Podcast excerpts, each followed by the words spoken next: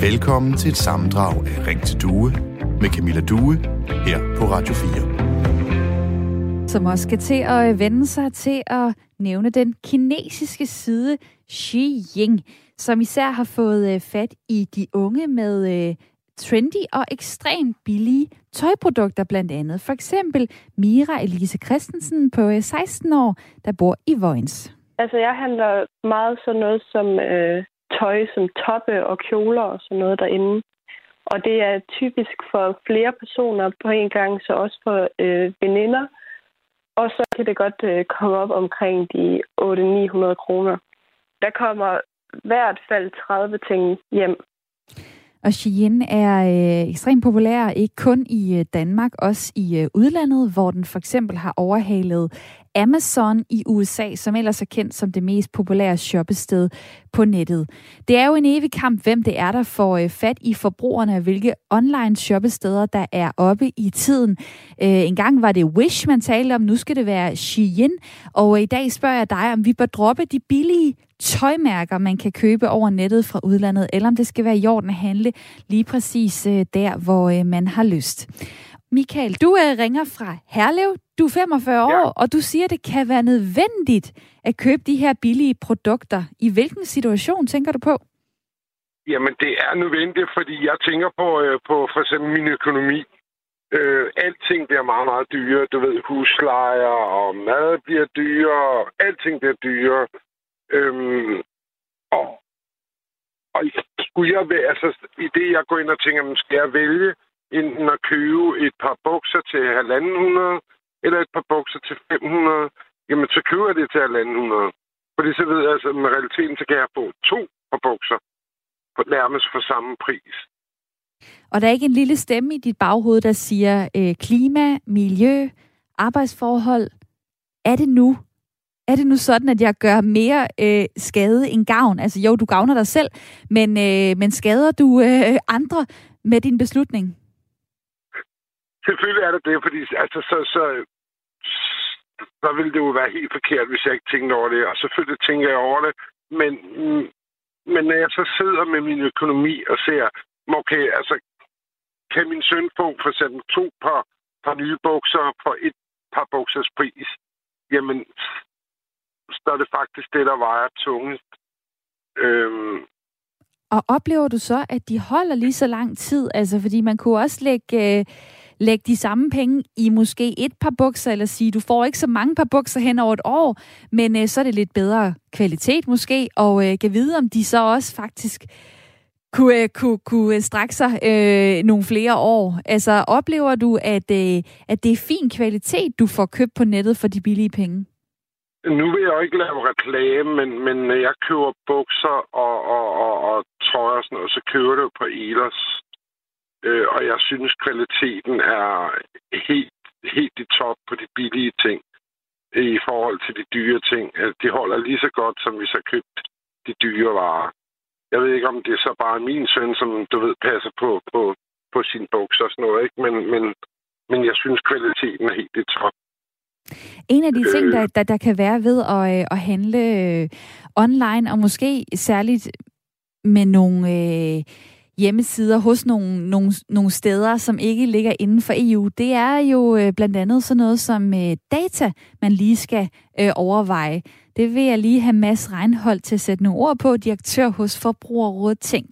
Det er meget anderledes stillet, end når man handler i en dansk webshop eller i en tøjbutik på gågaden. For det første så øh, indsamler Shein data om brugernes adfærd, og de deler den med et ukendt antal samarbejdspartnere. Øh, og det er jo en, en, en dataadfærd, som vi kender fra for eksempel TikTok. Og det betyder, at man som forbruger ingen kontrol har over sin data. Nu ved jeg ikke lige, hvordan det står til med øh, ellers, som, øh, som du nævner, at øh, du handler hos øh, Michael. Det kan jo også være, at du handler andre steder. Har du tænkt over det aspekt, at øh, der er måske også en grund til, at det er så billigt? Altså, øh, det er fordi, at øh, så det er ikke kun sådan, at du får billigt tøj, og det er produceret på en særlig måde, men det er også fordi, dine data kan blive solgt videre. Og, ja, fordi...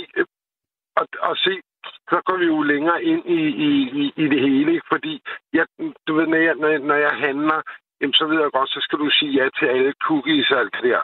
Og det er jo, du, du er kommet så langt ind i det, så du stoler jo på, for eksempel når jeg handler på Elas, så stoler jeg jo på, at de behandler mine data ordentligt. Jeg trykker jo bare ja til alle cookies.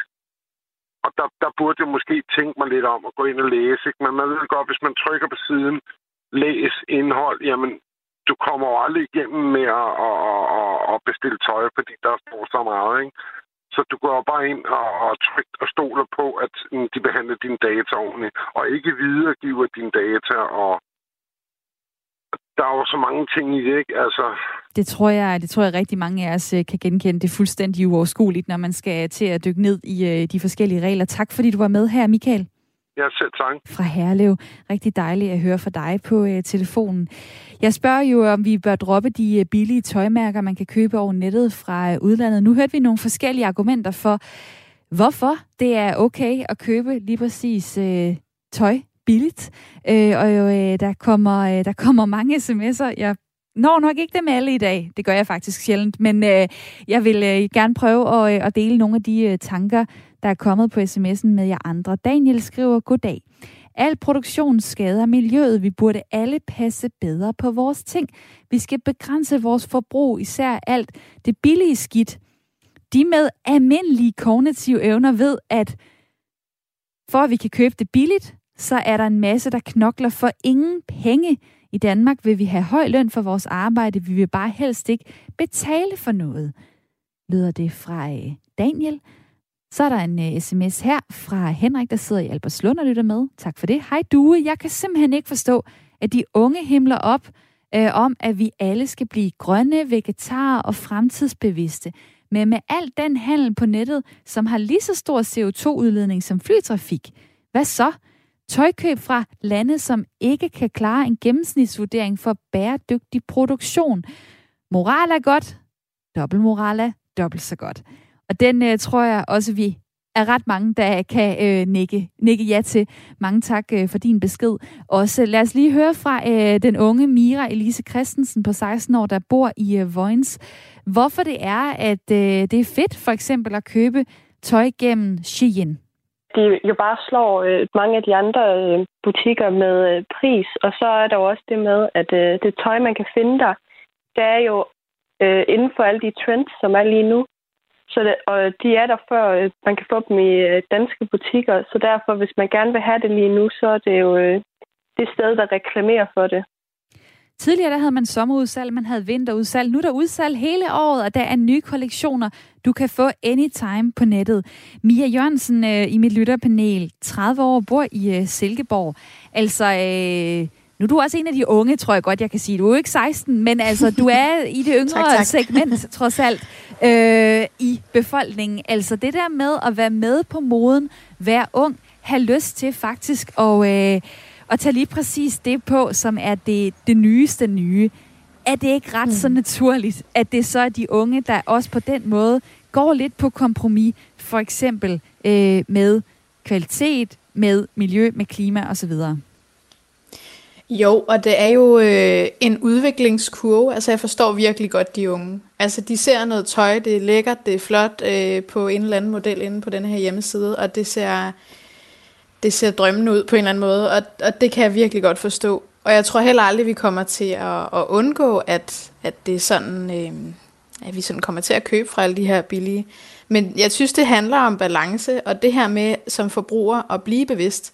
Så når jeg som, som ung sidder og får nogle nye indsigter, at jeg så øh, ikke bunker mig, punker mig selv oven i hovedet over, at øh, jamen, jeg har købt derfra i, i lang tid, jamen, så kan det også bare være lige meget, så bliver jeg bare ved. Men at vi ligesom tager handling på det, og at vi, vi tager et fælles ansvar, om vi er unge eller, eller oppe i 30'erne, ja, som stadig er unge. Ja, jeg er også 30. Men i hvert fald, jeg, jeg, jeg, jeg synes godt, vi kan, vi kan kalde hinanden uh, unge. Det synes jeg er, er ganske i orden. Uh, vi springer til en uh, semi-ung 46 år. Pau, hej med dig. Hej. Hej. Bor i, uh, i Horsens, og uh, nu hører jeg jo lige fra, uh, fra Mia i mit lytterpanel, at når man får noget ny viden, så må man godt ligesom begynde at tage det ind og ændre sine vaner. Øh, er du enig i det i forhold til det her med, om vi skal droppe de billige øh, tøjmærker? Det er jeg da helt enig i. Jeg mener, at vi øh, lever et sted, hvor vi har fri handel, og man kan handle, hvor man vil. Vi skal ikke begrænse det. Vi skal ikke begynde at gøre, ligesom de gør i Rusland, og sige, jamen, der må kun sælges det, at prisen skal være sådan sådan. Nej, vi skal have lov til at handle, hvor vi vil. Vi skal have lov til at købe de ting, som vi synes er smarte, og de, de unge skal da selvfølgelig have lov til at sige, jamen, nu har vi set det her, det er, er, er trendy nu, og det er virkelig det, jeg gerne vil have, fordi det er smart. Jamen, det skal de da have lov til at købe. Selvfølgelig skal de det. Så kan man så eventuelt sætte nogle retningslinjer omkring, at man vil have, at det skal være lidt mere miljørigtigt. Øh, men, men ellers så synes jeg bestemt ikke, at, det er, at vi skal sætte begrænsning på det. Hvilke ansvar synes du, man har øh, for eksempel som forældre i forhold til at tale øh, med de unge mennesker om produkter fra øh, kinesiske sider? Jamen, øh, det synes jeg ikke, at man har mere... Øh, som forældre, nu er jeg selv far til to piger, og jeg synes ikke, at jeg har et større ansvar for, om det kommer fra kinesisk eller fra et andet sted. Mine piger skal vide, hvad det er, de køber, og de skal have en idé om, hvordan bliver det produceret, og så videre, og så videre, og hvad er det materiale, hvad det er lavet af. Øh, om det bliver lavet af et kinesisk firma, eller om det bliver lavet af Hummel, eller om det bliver lavet af Levi's, eller hvad det gør, det er jeg sådan set ligeglad med så længe at de er klar over, hvad det er, de køber, så er jeg egentlig fint tilfreds med det. Og hvis de så ved, at det, de køber, det er tøj, der er meget belastende for klimaet, så er det også godt? Øhm, nej, det synes jeg jo så til gengæld, at man skal tænke rigtig meget over. Jeg ved, at øh, begge mine piger øh, tænker meget over, om det er meget belastende, fordi de er rimelig grønne, så de, øh, det, det vil de ikke gøre, det er jeg helt sikker på. Og, og det synes jeg også, at man har et ansvar der. Men om det er lavet af et billigt produkt, altså om man sælger det billigt, eller om man ikke gør, og det kan der jo være mange årsager til. Det er sådan, at, at der er forskellige øh, arbejdsløn i de forskellige lande. Det er også lidt med beskatning osv. osv. at gøre. Men jeg synes ikke, fordi noget det er billigt, at man skal sige, jamen, så skal man ikke købe det. Og det sagde Pau fra Horsens. Tak fordi du vil være med. Du lytter til Radio 4. I dag, der øh, sætter jeg fokus på et emne, som øh, jeg ikke har talt med jer om før, nemlig kendte mennesker, deres ret til at træde ind og ud af rampelyset. Det er ovenpå øh, tennisspilleren Naomi Osakas øh, lidt særlige optræden under tennisturneringen French Open. Øh, ikke særlig sådan på banen, men hun tog et opgør med medierne og sagde, jeg kommer ikke til at lave presse under French Open, altså den her tennisturnering, som stadig er i gang, øh, fordi hun har ofte følt, at folk intet har til overs for atleters mentale helbred, og det er særligt tilfældet, hver gang jeg ser en pressekonference eller selv tager del i en, skrev hun på sine sociale medier. Hun har mødt forståelse fra nogen, der siger, at det er godt, du sætter, vigtig, du sætter fokus på en vigtig sag. Andre har sagt, at øh, hun springer over, hvor gæret er lavet, fordi det at tale med journalister, det er en lige så stor del af jobbet, som det at slå til boldene nede på grusbanen. Lige nu så er der ikke mere grus til øh, Osaka, fordi hun har trukket sig fra turneringen grundet den her øh, diskussion. Men det er jo ikke kun hende, der er omgivet af medier. Det sker i alle brancher, hvor man er kendt. Hvis man er musiker, hvis man er filminstruktør, hvis man er sanger, debattør, kunstner eller skuespiller, som for eksempel Vicky Berlin, der blandt andet har spillet med i Cirkusrevyen og Sommer og Lærkevej. Hun siger til Berlingske, at hun er godt klar over, at hun har valgt en karriere, hvor det at være kendt, det simpelthen er en del af det. Og nemlig også nå at have Jan fra Diana Lund på Vestjylland med, 56 år, og velkommen til dig. Ja, tak skal du have. Og du tænker, at øh, kendte, og det er både øh, sportsstjerner, rockstjerner, skuespillere osv., øh, de skal bare troppe op, når øh, pressen har lyst. Øh, hvad, med, øh, hvad, hvad med den der menneskeret til selv lige at bestemme over sit liv? Jamen, det er jo sådan, at øh, vi er jo alle sammen, hvis vi er på vej op, så er vi jo alle sammen glade for noget, noget presseomtale. Når vi så er på toppen, så bliver vi nødt til at, og, hvad hedder det, at acceptere, at, at de kommer der hele tiden. Og når vi er på vej ned, så, så bliver vi også bare nødt til at, at finde os i, at, at de er med. Jeg har selv været øh, lidt i gamet med hensyn til at spille musik, godt nok på amatørniveau. Men øh, skulle vi ud og spille et eller andet sted, eller have en koncert et eller andet sted, så gjorde vi alt for at, at, at komme i de lokale medier for at, at, at blamere os selv. Og dermed så synes du også, at hvad, at øh, den omvendte vej også må gælde. Jamen, altså det er det, det der bryllup, jamen, bryllup og... Jamen, sådan er det jo. Altså, man, man kan ikke bare sige, at nu, nu, har jeg fået, øh, nu har jeg fået det, jeg vil have for, fordi når, først man har, når først man er kommet derind, og man har, har fået noget, så skal man også give noget tilbage. Og det, man skal give tilbage, det er, at når man så er på toppen, så, så skal man give noget til medierne, for det, for det medierne, de lever af at sælge aviser, de lever af at sælge gode nyheder. Blandt andet så øh, er sport jo en, en, øh, en ret stor del af, af de fleste medier, og, og derfor så er de nødt til at have nogle øh, sportsinterview for at, og tilfredsstille deres, øh, deres købere. Mm. Der er en, der skriver til mig på sms'en, det er uh, Tove har I slet ikke hørt de kæmpe summer, som mange, inklusiv Osaka, modtager i sponsorater, så selvfølgelig skal de stille op. Og ja, der ved jeg jo ikke, om hun også er kommet i klemme i forhold til, om øh, hun har gjort nogle af sine øh, sponsorer vrede. Det var jo sådan, at hun fik en bøde på øh, 15.000 dollars, cirka 90.000 danske kroner, øh, for den pressekonference, hvor hun udeblev, og det vil, det vil blive ved sådan hen over turneringen, hvis hun nu ikke havde øh, lyst. Man kan så sige, at hvis man tjener 250 millioner, så er det nok ikke lige penge, man kan blive, øh, blive troet med eller bøder i hvert fald. Øh, men der er jo noget, der er noget principielt i det her i forhold til, at man skal kunne sige ja eller nej. Og, og et af de argumenter, jeg lige hører fra dig, Jan, det bygger jo også lidt på det der... Øh, hvis man er der til, til brylluppet, så er man der også til skilsmissen, altså når det ikke er, øh, er sjovt. Øh, til det siger øh, politikerne altså Carter øh, blandt andet det her. At man inddrager sin egen person og sine egne erfaringer, gør ikke, at man mister retten til privatliv. Jeg har også tit hørt, at fordi en politiker har medvirket i et tv-underholdningsprogram, så må de finde sig i, at man opsøger dem på deres bopæl i tide og utid. Det mener jeg er fuldstændig absurd. Generelt deltager man i den slags programmer for at vise, at der gemmer sig et helt menneske bag facaden, men jeg kan umuligt se, hvordan en medvirken i et sådan program giver carte blanche til en gennemrodning af hele ens liv i al fremtid, har han sagt til BT. Han er så politiker, men altså jeg tænker, at det her argument her, det gælder øh, ret bredt i forhold til, øh, til kendiserne. Øh, hvad siger du ind til det? Altså, altså, altså jeg kan jo godt huske, at jeg har set Nasser Carters øh, hjem indenfor, og, og derfor så tænker jeg også, at han har selv sagt ja til at være privat, også øh, på, over for for medierne, så derfor så, så er det en carte blanche, når først man har sagt ja. Der er andre folk, som, øh, som, holder, som har valgt for hele vejen igennem at, at holde øh, privatliv og, og det offentlige liv hver for sig. Man ser jo mange politikere i dag, der står uden for deres hjem og, og laver interview, fordi de, de vil simpelthen øh, holde øh, øh, hvad hedder, privatliv og, og politik fuldstændig adskilt, så vidt så godt det kan lade sig gøre. Og det har jeg stor respekt for, men det skal bare være hele tiden. Det skal ikke være sådan, at man, at man når man har brug for, øh, for pressen, at man så inviterer dem med indenfor. Mm. Jeg vil lige, jeg vil, jeg vil, hvis man har gjort det, så, så siger man ja til det. Jeg vil lige vende noget med dig her øh, til sidst, fordi altså... Øh, det der rampelys, det, øh, det kan jo være sjovt, men det kan, det kan også virkelig øh, påvirke, hvordan man lever sit liv. I Berlingske, øh, der har øh, skuespilleren Vicky Berlin og tv-verden Emil Thorup øh, sat nogle ord på det tidligere. Og for eksempel øh, de konsekvenser, der har været for skuespilleren Vicky Berlin, det er, at hun er begyndt at droppe at gå i byen, altså byture, af frygt for at ende i forskellige kulørte blade, så er det simpelthen smartere at lade være med at gå ud og feste. Øh, og øh, tv-verden Emil Thorup, han undgår for eksempel at tage tog og bus af angst for, øh, hvem det er, man møder, og i hvilke situationer, og hvad man kan blive presset til. Hvad tænker du om det? Altså, vi snakker Danmark, ja, ja, to mennesker, jeg, der ikke kan leve et almindeligt liv. Ja, jeg, der må jeg også sige, at, at, at øh, har faktisk tit snakket om det her med, med byture. For, at, jeg hørte jo blandt andet øh, Finn Nørbegaard fortælle, eller en har set Finn Nørbegaard, en øh, mand, der er, er hvad, han er oppe i 60'erne nu. Jeg har set ham på en, en bar et eller andet sted, øh, fordi han lige skulle ud og promovere sig selv.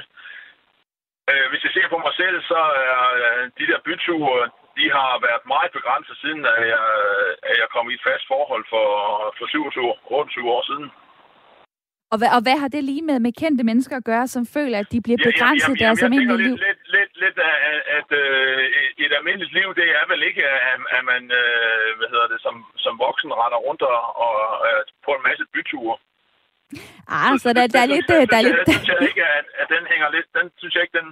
Jeg tror ikke, der er så forfærdeligt mange øh, almindelige mennesker, som, som øh, render på byture sådan øh, ret tit. Og så... det sker måske... For mig har det sket... Øh, i forbindelse med mit arbejde, når jeg har været ude og til julefrokost. Men det er så også det. Så der er lidt uh, smagsdommeri fra din side uh, der, Jan, men dejligt at høre fra dig. Øh, uh, kom igennem på 72 30 44 44. Sidder uh, i Diana Lund og uh, hører Radio 4 lige nu, og mange tak for det, og uh, tak for din tid. Vi nåede omkring uh, lidt forskelligt, men uh, jeg synes, det var interessant lige at få uddybet dine forskellige øh, tanker øh, i forhold til det her med, om øh, kendte skal kunne træde ud af rampelyset, når de har lyst. Og øh, der er kommet en sms her. Øh, ja da, det er deres liv, og journalister, de har ingen ret til at vide noget. Øh, det skriver Svend Erik Sørensen fra Ringe i en lidt længere besked, og mange tak for den. Så er der også en, der skriver her, øh, man kan jo sagtens være et gudsbenået sportstalent og samtidig kæmpe med en skyhed og en social forbi. Det må det enkelte menneske naturligvis selv vurdere og bestemme, og det må journalister, fans og andre affinde sig med, lyder det fra Annette på sms'en. Og øh, jeg vil godt lige vende det kort med dig, øh, Thomas, i mit øh, lytterpanel. Altså, vi hører forskellige argumenter sådan øh, for og imod i forhold til, om man skal have lov til at kunne sige nej som kendt, træde ud af, af rampelyset. Øhm, man kan jo sige, at øh, hvis man bliver kontaktet, så er det jo også fordi, at man, man har noget succes. Altså, så er det jo fordi, at man er efterspurgt. Øh, hvad tænker du? Skal man, skulle man bare arbejde med sig selv i stedet for dreje den over på noget positivt og sige, det er fordi, jeg er succesfuld, og halleluja for det, altså at jeg ikke er gået i glemmebogen? Altså, nu har jeg jo fulgt med her den sidste halve time, ikke? og der er mange gode indlæg. Og der er jo rigtig mange holdninger til det hele, ikke? og det, sådan skal det også være jo. Men det fortæller bare lidt om dilemmaet, jo. Og det er, det er da meget fint, du lige siger det, Thomas Fissé, 56 år, bor i Frederikssund og, øh, og med i mit lytterpanel. Og hvad tænker du så i forhold til det her? Altså, skal man simpelthen lidt, at... dreje den og være mere positiv, som kendt? Ja, fordi folk er forskellige. Nogle er generet, som nogle lytter sagde. Der er nogle, de er meget fokuseret på at få noget noget omtale. Og det, vi er jo så forskellige alle sammen, og vi er journalister, de kan også føre noget baglæg, det ved jeg, de kan. Øh, men jeg tvivler meget kraftigt på, at en skuespiller eller en tennisstjerne eller en fodboldspiller ikke har fået at vide, at han blev ansat i en klub som topspiller eller et eller andet, eller som topskuespiller, har fået at vide, at hans mentor, du skal vide en ting, lille Peter eller lille Hans, at pressen kommer nu, og uanset hvad du foretager ude i byen, der bliver der taget billede af dig. Eller du bliver spurgt om ting og sager. Det har de alle sammen fået at vide, kunne jeg forestille mig. Jamen lad os da bare lige vende det med øh, Benjamin Bo Rasmussen, øh, formand i Dansk Skuespillerforbund. Hej med dig. Hej du. Det er vel en del af blandt andet jeres opgave, når I repræsenterer 2300 øh, skuespillere, dansere og operasanger i Danmark. Simpelthen at forberede dem på, at får du succes, så er det her en del af dit fremtidige liv. Det er pressen, og det er at stille op anytime? Altså, øh, det ved jeg jo ikke rigtigt, om, om det er, fordi vores medlemmer bliver mødt med alle mulige forskellige ting, fordi det er jo lige fra, at man bliver genkendt i bæren, eller nede i, øh, i Netto, eller øh, øh, øh bliver bedt om, øh, øh, eller bliver bare mødt og bedt om en, en, en, øh, en autograf. Men jeg vil sige, det er jo svært at forberede folk på, øh, øh, hvordan livet er, når man bliver en succes. Så det vi får sådan set fokusere på, det er, at hjælpe vores medlemmer, når de ringer ind, hvis de oplever, at de er i en situation, de ikke rigtig kan håndtere. Fordi det kan være mange forskellige ting, som jeres lytter jo også øh, øh, er inde på. Det kan jo være, som Vicky Berlin for eksempel, der har svært ved at øh, øh, øh, have lyst til at gå i byen, fordi hun bliver genkendt og ikke kan være i fred. Men det kan også være til nogle af mine andre medlemmer, som modtager dødstrusler for eksempel. Og vi har også et medlem, som lever under politibeskyttelse øh, og på en skjult adresse, fordi hun har blandet sig i MeToo-debatten på et tidspunkt. Hold da op. Øh, og, og nu hvor du lige øh, øh, nævner øh, de forskellige scenarier, så er der jo også forskellige måder at være kendt på. Men ja. sådan, hvis du kigger på, på jeres øh, gruppe, de her øh, 2300 forskellige øh, medlemmer, øh, oplever I så, at den her, hvad kan man sige, tilgængelighed øh, fokus på, at øh, folk skal stille op til, til interviews, er, er det blevet værre, eller har det bare altid ja, været sådan?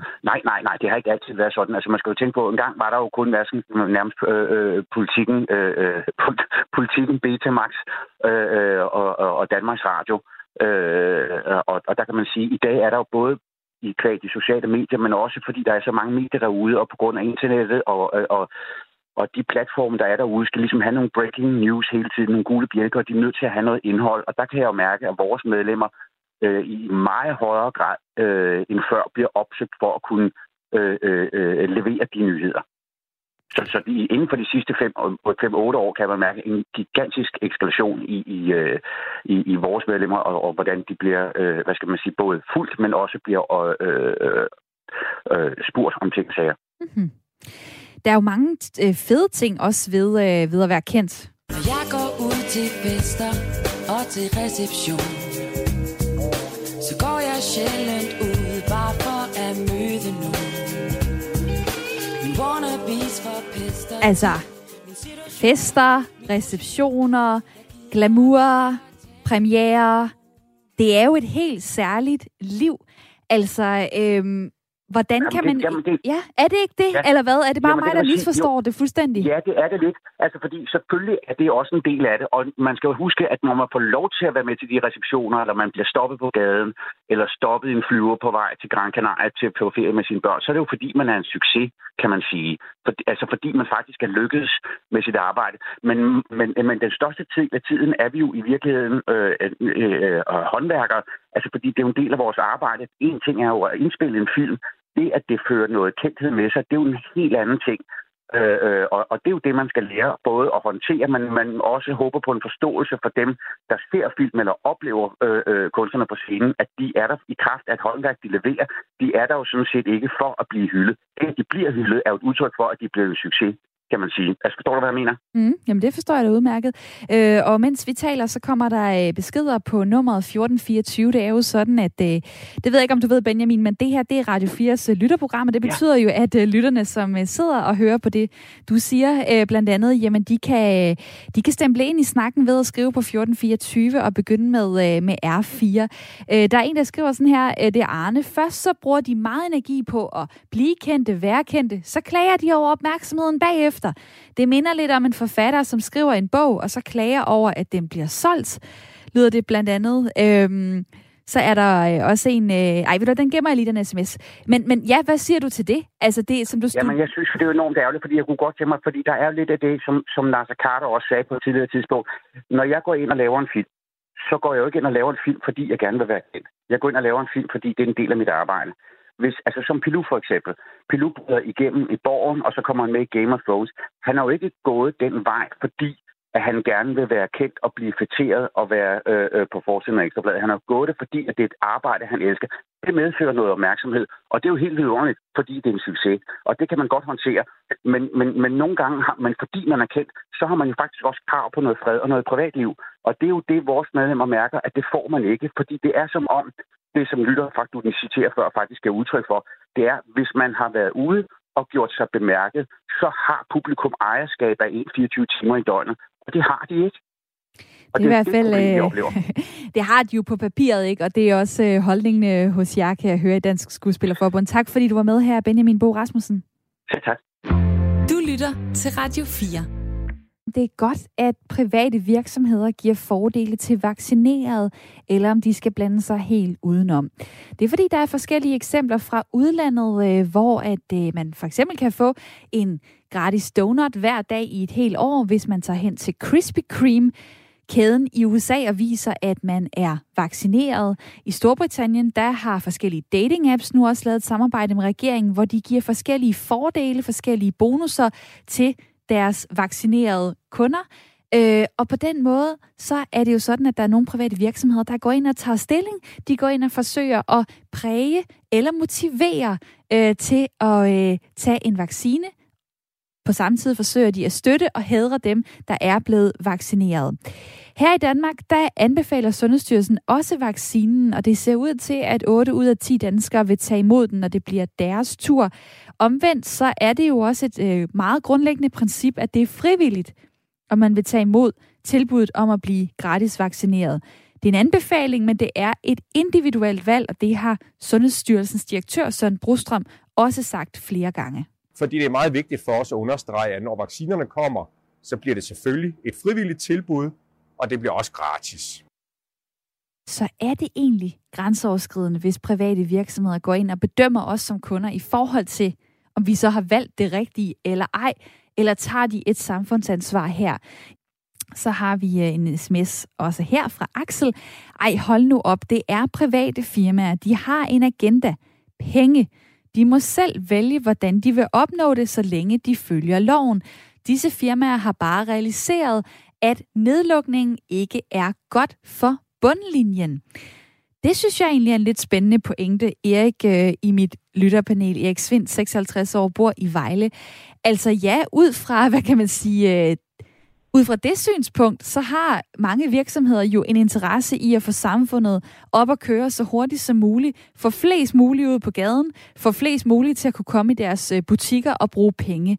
På den måde øh, giver det så ikke god mening, at det lige præcis er de private virksomheder, der går ind og giver nogle fordele til vaccinerede. Jamen, altså, det er ikke ubetinget dårligt. Altså, jeg, jeg vil gerne sige, at jeg er sådan lidt øh, pseudo-eskapistisk omkring det. Og det vil sige, at, at der var både for og imod. Men nu ved jeg lidt mærke i det, Daniel han sagde før, med at øh, der bliver et A- og B-hold.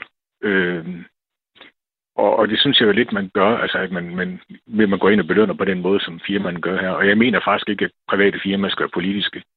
Hvis jeg gik ud med et budskab i mit firma og, og, og var politisk, så ville jeg jo lynhurtigt blive slagtet.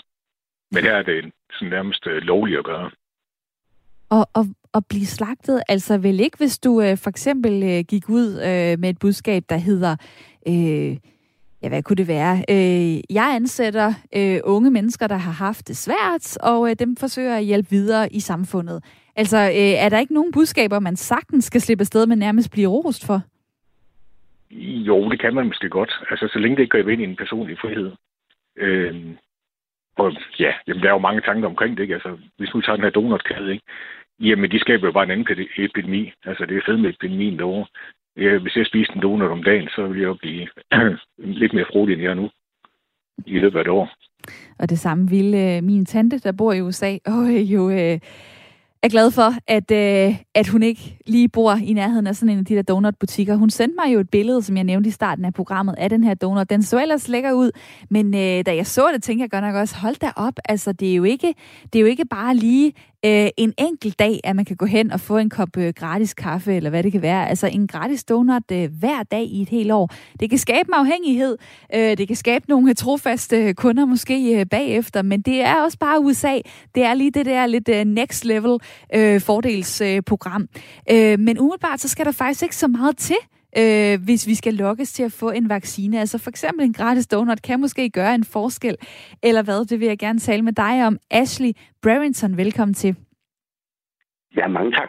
Adfærdsdesigner, du har dit eget firma, der hedder Brave. I arbejder med at få mennesker til at ændre adfærd. Hvis der nu kom et dansk firma til dig og, øh, og ønskede at træde ind i den her dagsorden om at motivere folk til at få en vaccine eller hedre dem, der har fået den, vil du så rådgive dem til at gøre det? Ja, det tror jeg. Øh, det vil jeg nok gøre øh, ud fra den, øh, det perspektiv, at man kan også sige nej. Det er jo en af de gode ting, vi har i, i, øh, i Danmark. Øhm, og øh, ud fra et samfundssyn, så tror vi i hvert fald, at, at øh, det er godt at få den her vaccine. Øh, og ud fra et, øh, et individ samfund, altså sådan menneske, så er det jo et spørgsmål, om man tror på det.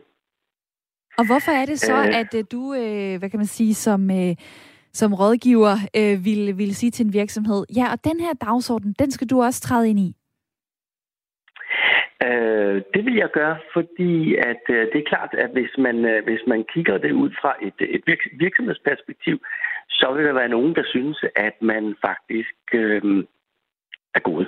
Og hvis du øh, sælger et produkt, som ikke er særlig sexigt, for eksempel øh, donuts, øh, så vil du gerne kunne lave en anden storytelling. At, din, at, at du kan ikke blive ved med at sige, at jeg har de bedste donuts i verden. Du bliver nødt til at lægge et nyt lag på. Og det kan være, at vi, øh, vi donerer donuts til folk, som har fået en, en vaccine, og det er en meget, meget, meget bedre historie. Den kommer også i radioen. Øh, det gør den nye donut med øh, agurkesalat ikke. så, så der ligger jo helt klart, der ligger jo helt klart et, et øh, der går på virksomhedsniveau, så ligger der jo helt klart et, et, øh, en motivation for salg. Det ja, det, det, det, det kan jeg også se, at der er nogen, der, der nævner på, øh, på sms'en 1424 det her med, at det handler jo altså, det handler om penge. Altså det kan godt være, at øh, man tror, at det det er en god gerning, øh, de her virksomheder vil gøre ved at tage en form for samfundsansvar. Men nej, nej, det her det er hardcore øh, business. Og alligevel så har vi bare ikke øh, set det i Danmark. Hvorfor tror du ikke det? Mm, jeg tror ikke, man har set uh, the opportunity endnu i det faktisk. Uh, jeg er sikker på, at efter det her program, så er nogen, der tænker, det vil vi gerne støtte. Det kan være godt for vores uh, virksomhed. Uh, det er jo det, uh, man kan se på Tinder og Bumper i udlandet. Der, der har man fundet ud af, at det kan være frugtbart for vores virksomhed at uh, motivere folk til at uh, tage en vaccine.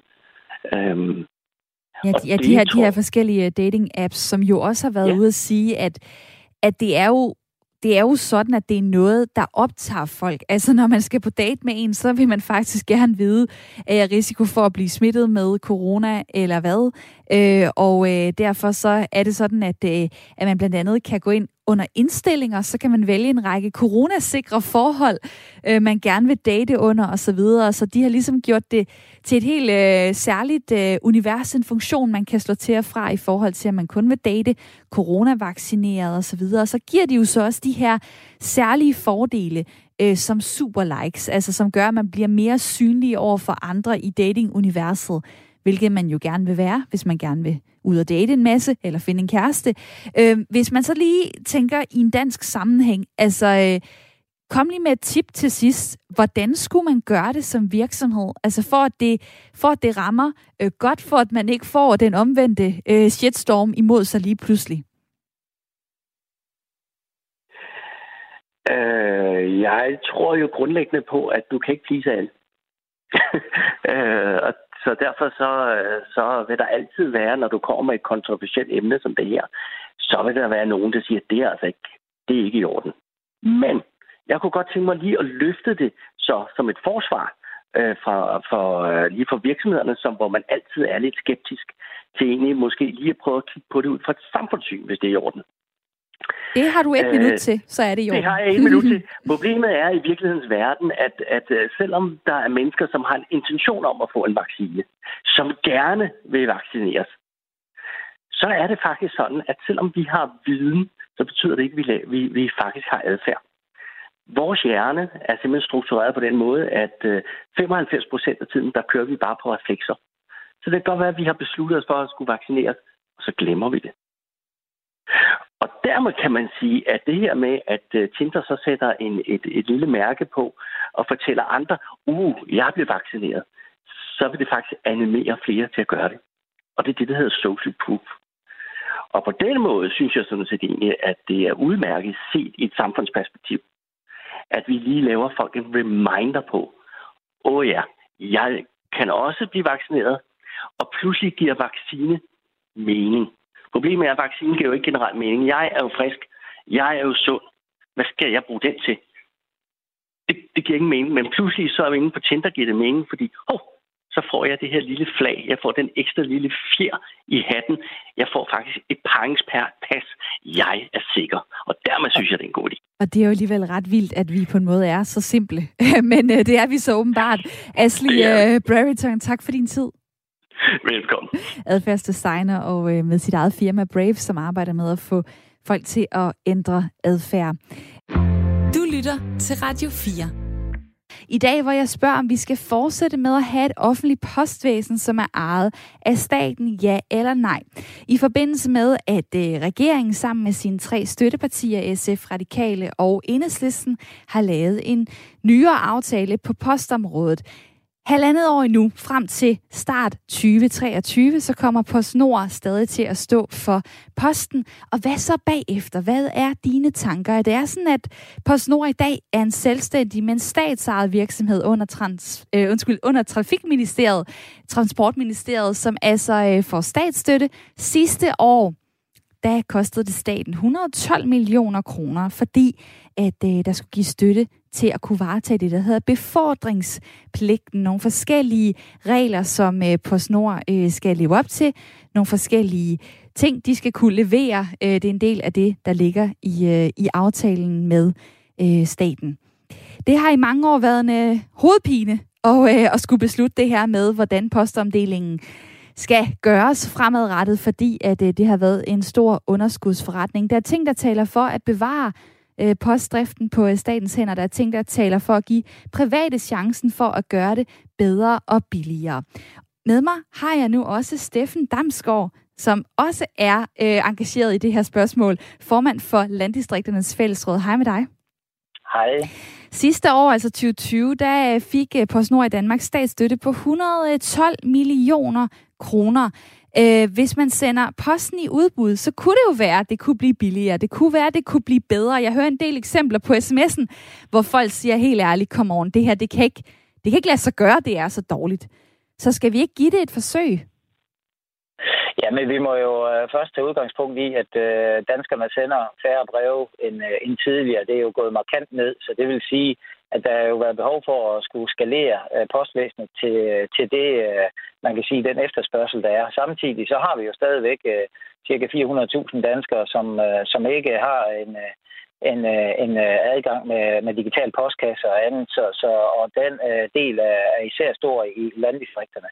Vi ønsker selvfølgelig den bedste betjening set fra landdistrikternes fællesråds side, øh, og det gælder uanset om du bor øh, på landet eller, eller i byen. Men der, hvor vi står lige nu, øh, så giver det god mening at forlænge aftalen midlertidigt til næste år. Så må vi se, om vi i den mellemliggende periode kan finde en løsning, hvor, hvor om der er nogen, der kan gøre det bedre. Det har jeg bare svært ved at se øh, ind i, der hvor, hvor vi kender nu. Men selvfølgelig ønsker vi den bedste øh, betjening. Øh, det er der ingen hemmelighed at, at være sikker på, at hele landet får postbetjening. Det er jo sådan set noget af det, der er vigtigt for os. Der er kommet en sms fra Christian, som øh, sidder i Aarhus og lytter til Radio 4, 34 år. Han skriver, hej Due, det vil altid alle gange være bedre med en privat virksomhed frem for en offentlig virksomhed. Staten er altid dyre, de er for lemfældige med skatteydernes penge.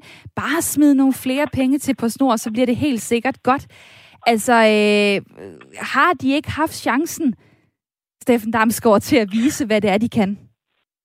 Jamen, øh, igen, så må jeg, vi jo bare erkende, at øh, folks vaner med at sende post har ændret sig markant. Øh, der bliver sendt markant færre breve, og det ja, og er der må en, jeg bare lige kæmpe... sige, uh, kuk, kuk, vågn op på snor. Altså, hvorfor har I ikke opdaget det, hvis I er øh, et stat, en statsejet øh, virksomhed? Jeg har opdaget Jamen, det. har Hvordan det jo- søren kan det komme bag på dem?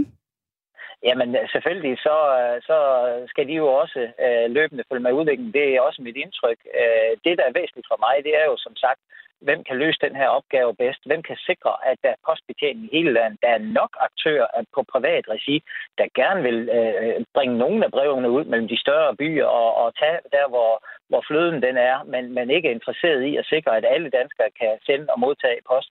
Og det er jo det, der er med til, at det koster det her system. Det er, at man har ja, postkasser over hele landet, og at man har en, en, en postbetjening, hvor man kører ud til, til borgerne og henter, øh, eller ja, øh, på den måde sikrer, at der er en, en postbetjening til alle, også dem, der ikke har en, øh, en digital øh, postkasse.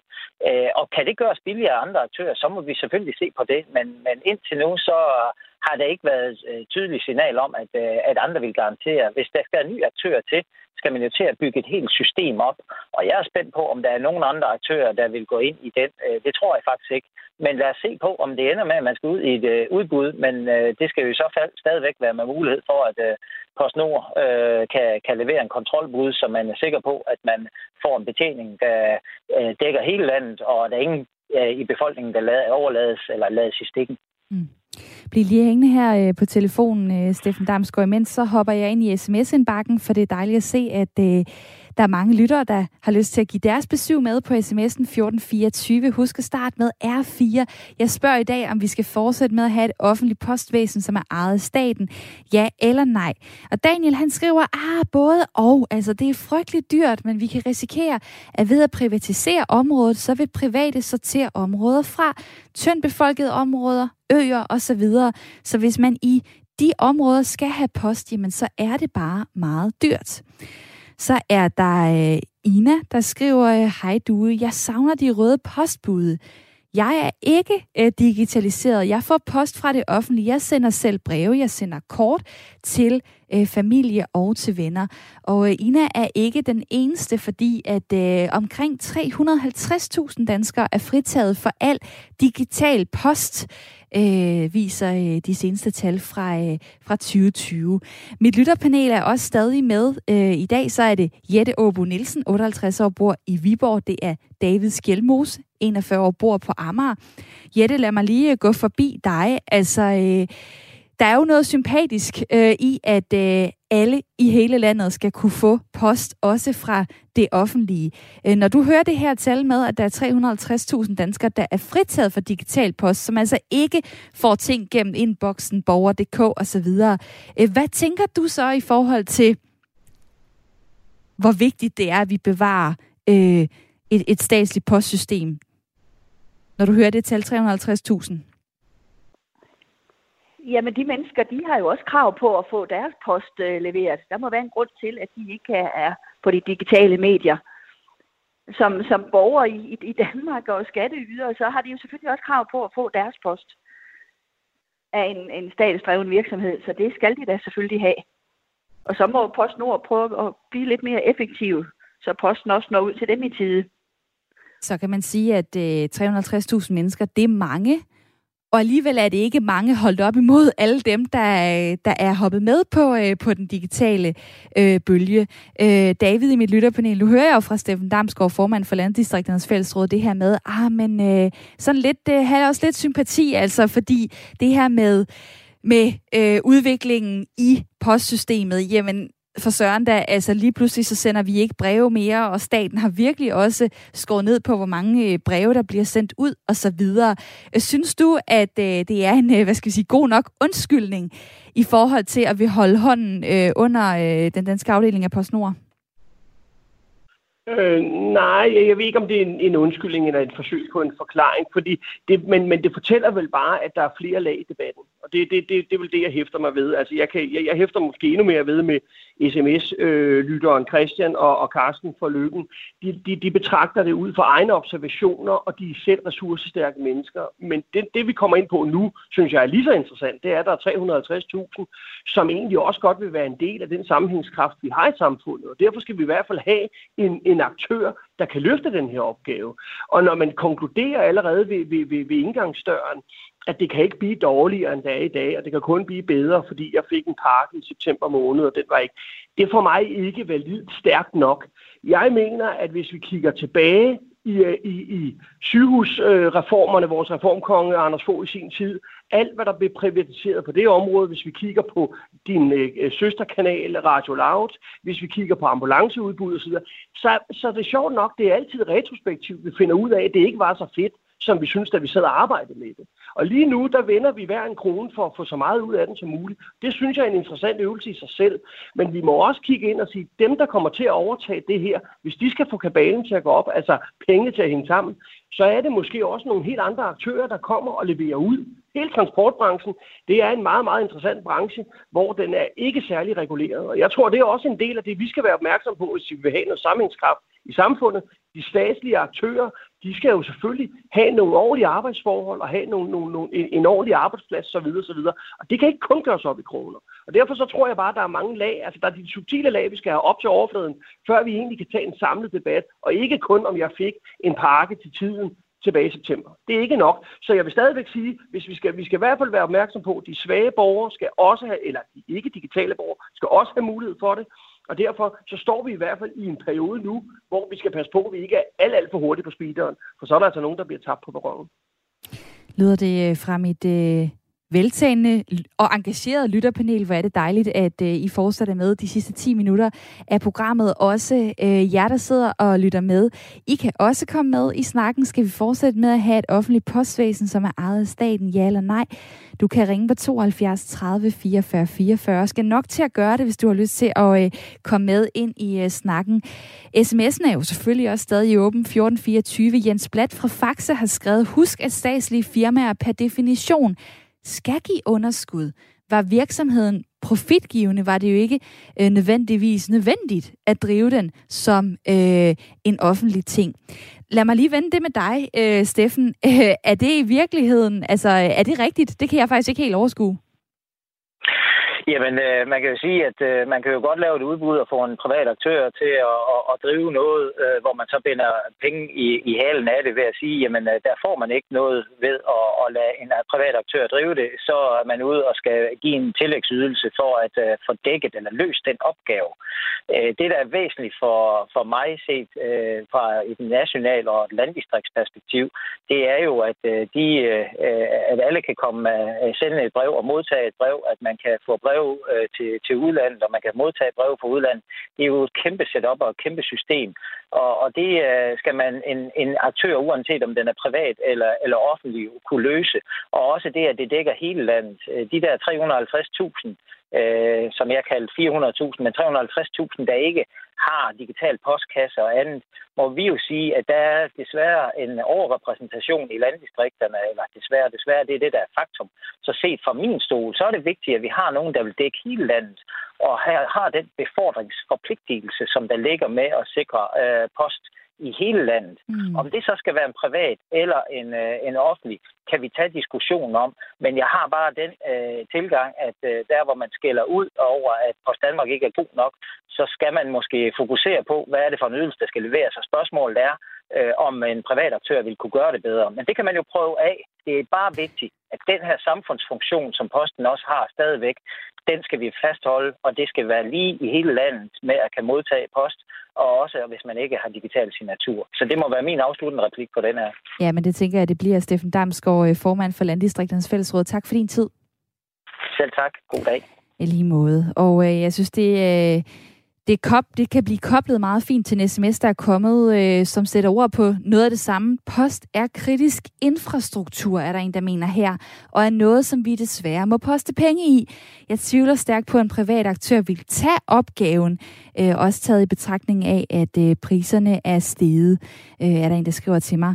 Og øh, den opgave, øh, som, øh, som PostNord, øh, den danske del af PostNord, jo løser her øh, i Danmark, jamen øh, den rækker jo til til 2,7 millioner øh, husstande blandt andet, leverer til 280.000 øh, virksomheder. Breve op til 2 kilo, pakker med uden omdeling op til 20 kilo, og øh, det er noget, der simpelthen er skrevet ind i en øh, tilladelse. Det er noget, som PostNord Øh, skal leve op til. Øh, og øh, der er det så sådan, at hvis man sender et almindeligt brev med PostNord, jamen så er det fremme inden for fem hverdage. Man kan tilkøbe et såkaldt kvikbrev, øh, og sidste år der håndterede PostNord i alt 1,4 milliarder breve. De har så også været ude at sige, at øh, de vil forsøge at se, om de ikke kan få hurtigere levering, for eksempel i weekenden. Det kunne være øh, med pakker også, som jo også er noget af det, øh, de står for. Men altså, øh, inden for fem hverdage øh, kan et brev øh, være fremme. Og øh, Kevin fra øh, Nyborg, det ved du øh, måske lidt om. Du har selv arbejdet hos PostNord. Velkommen til. Jo, tak. Hvad, hvis man sidder og undrer sig over, øh, som jeg også kan se i sms-indbakken, at tingene går så hulens langsomt, og nogle gange, at et brev øh, kan tage tre, tre uger øh, om at fragte sig fra, øh, fra Jylland til Sjælland for eksempel. Øh, kan du så svare mig på, hvad søren er det, det skyldes? Altså, en ting, man glemmer, det er, at Post Danmark, de håndterer rigtig, rigtig meget på post. Og desværre, som, øh, som jeg tror, mange har oplevet, så har på Snor desværre ikke den bedste ledelseskultur. Øh, for eksempel, hvis du har, øh, har, har idéer til, hvordan tingene kan blive gjort bedre, og du har meget øh, firkantet og ringe, øh, hvad det, det hedder, øh, kultur i ledelsen, hvor det er, at de vil bedst, og forandringer er ikke velkommen. Det er noget, du har oplevet, eller hvad? Altså, du øh, som medarbejder vil komme med nogle forslag, som så ikke blev, øh, blev taget imod i forhold til noget effektiv, effektivisering? Jo, jo, altså både mig, men altså mange, der, der kører med post hver dag. Man får nogle idéer, når der man kører med post. Ja, prøv lige, prøv lige også... at, at dele en, en af dem med os. Uh, nej, men jeg, jeg havde en anden øh, ting, jeg, jeg gerne ville sige. En anden ting, man skal huske på, det er, altså nu har du jo fået at vide, det er en vigtig infrastruktur. Øh, og en af de ting, vi ser rigtig meget, når det er, vi kører over på digital post, det er jo desværre også, at øh, digital sikkerhed, nu har jeg også arbejdet inden for det, jeg har været godt rundt, øh, men vi ser de her ransomware øh, blive mere og mere udbredt, og det er også desværre også en ting, vi ser herhjemme. Derfor er det vigtigt, at alt ikke er digitalt. Et øh, spændende argument øh, fra dig, Kevin. Øh, det har vi ikke øh, talt om endnu, at øh, der faktisk kan være fordel ved at øh, beholde noget af det øh, post, man får fra det offentlige, øh, måske i breve, hvis de ikke lige forsvinder. Øh, det kunne jo også ske. Øh, der kan sikkert også ske digitale kiks. Men, øh, men spændende at høre fra dig. Tusind tak for din tid, øh, Kevin.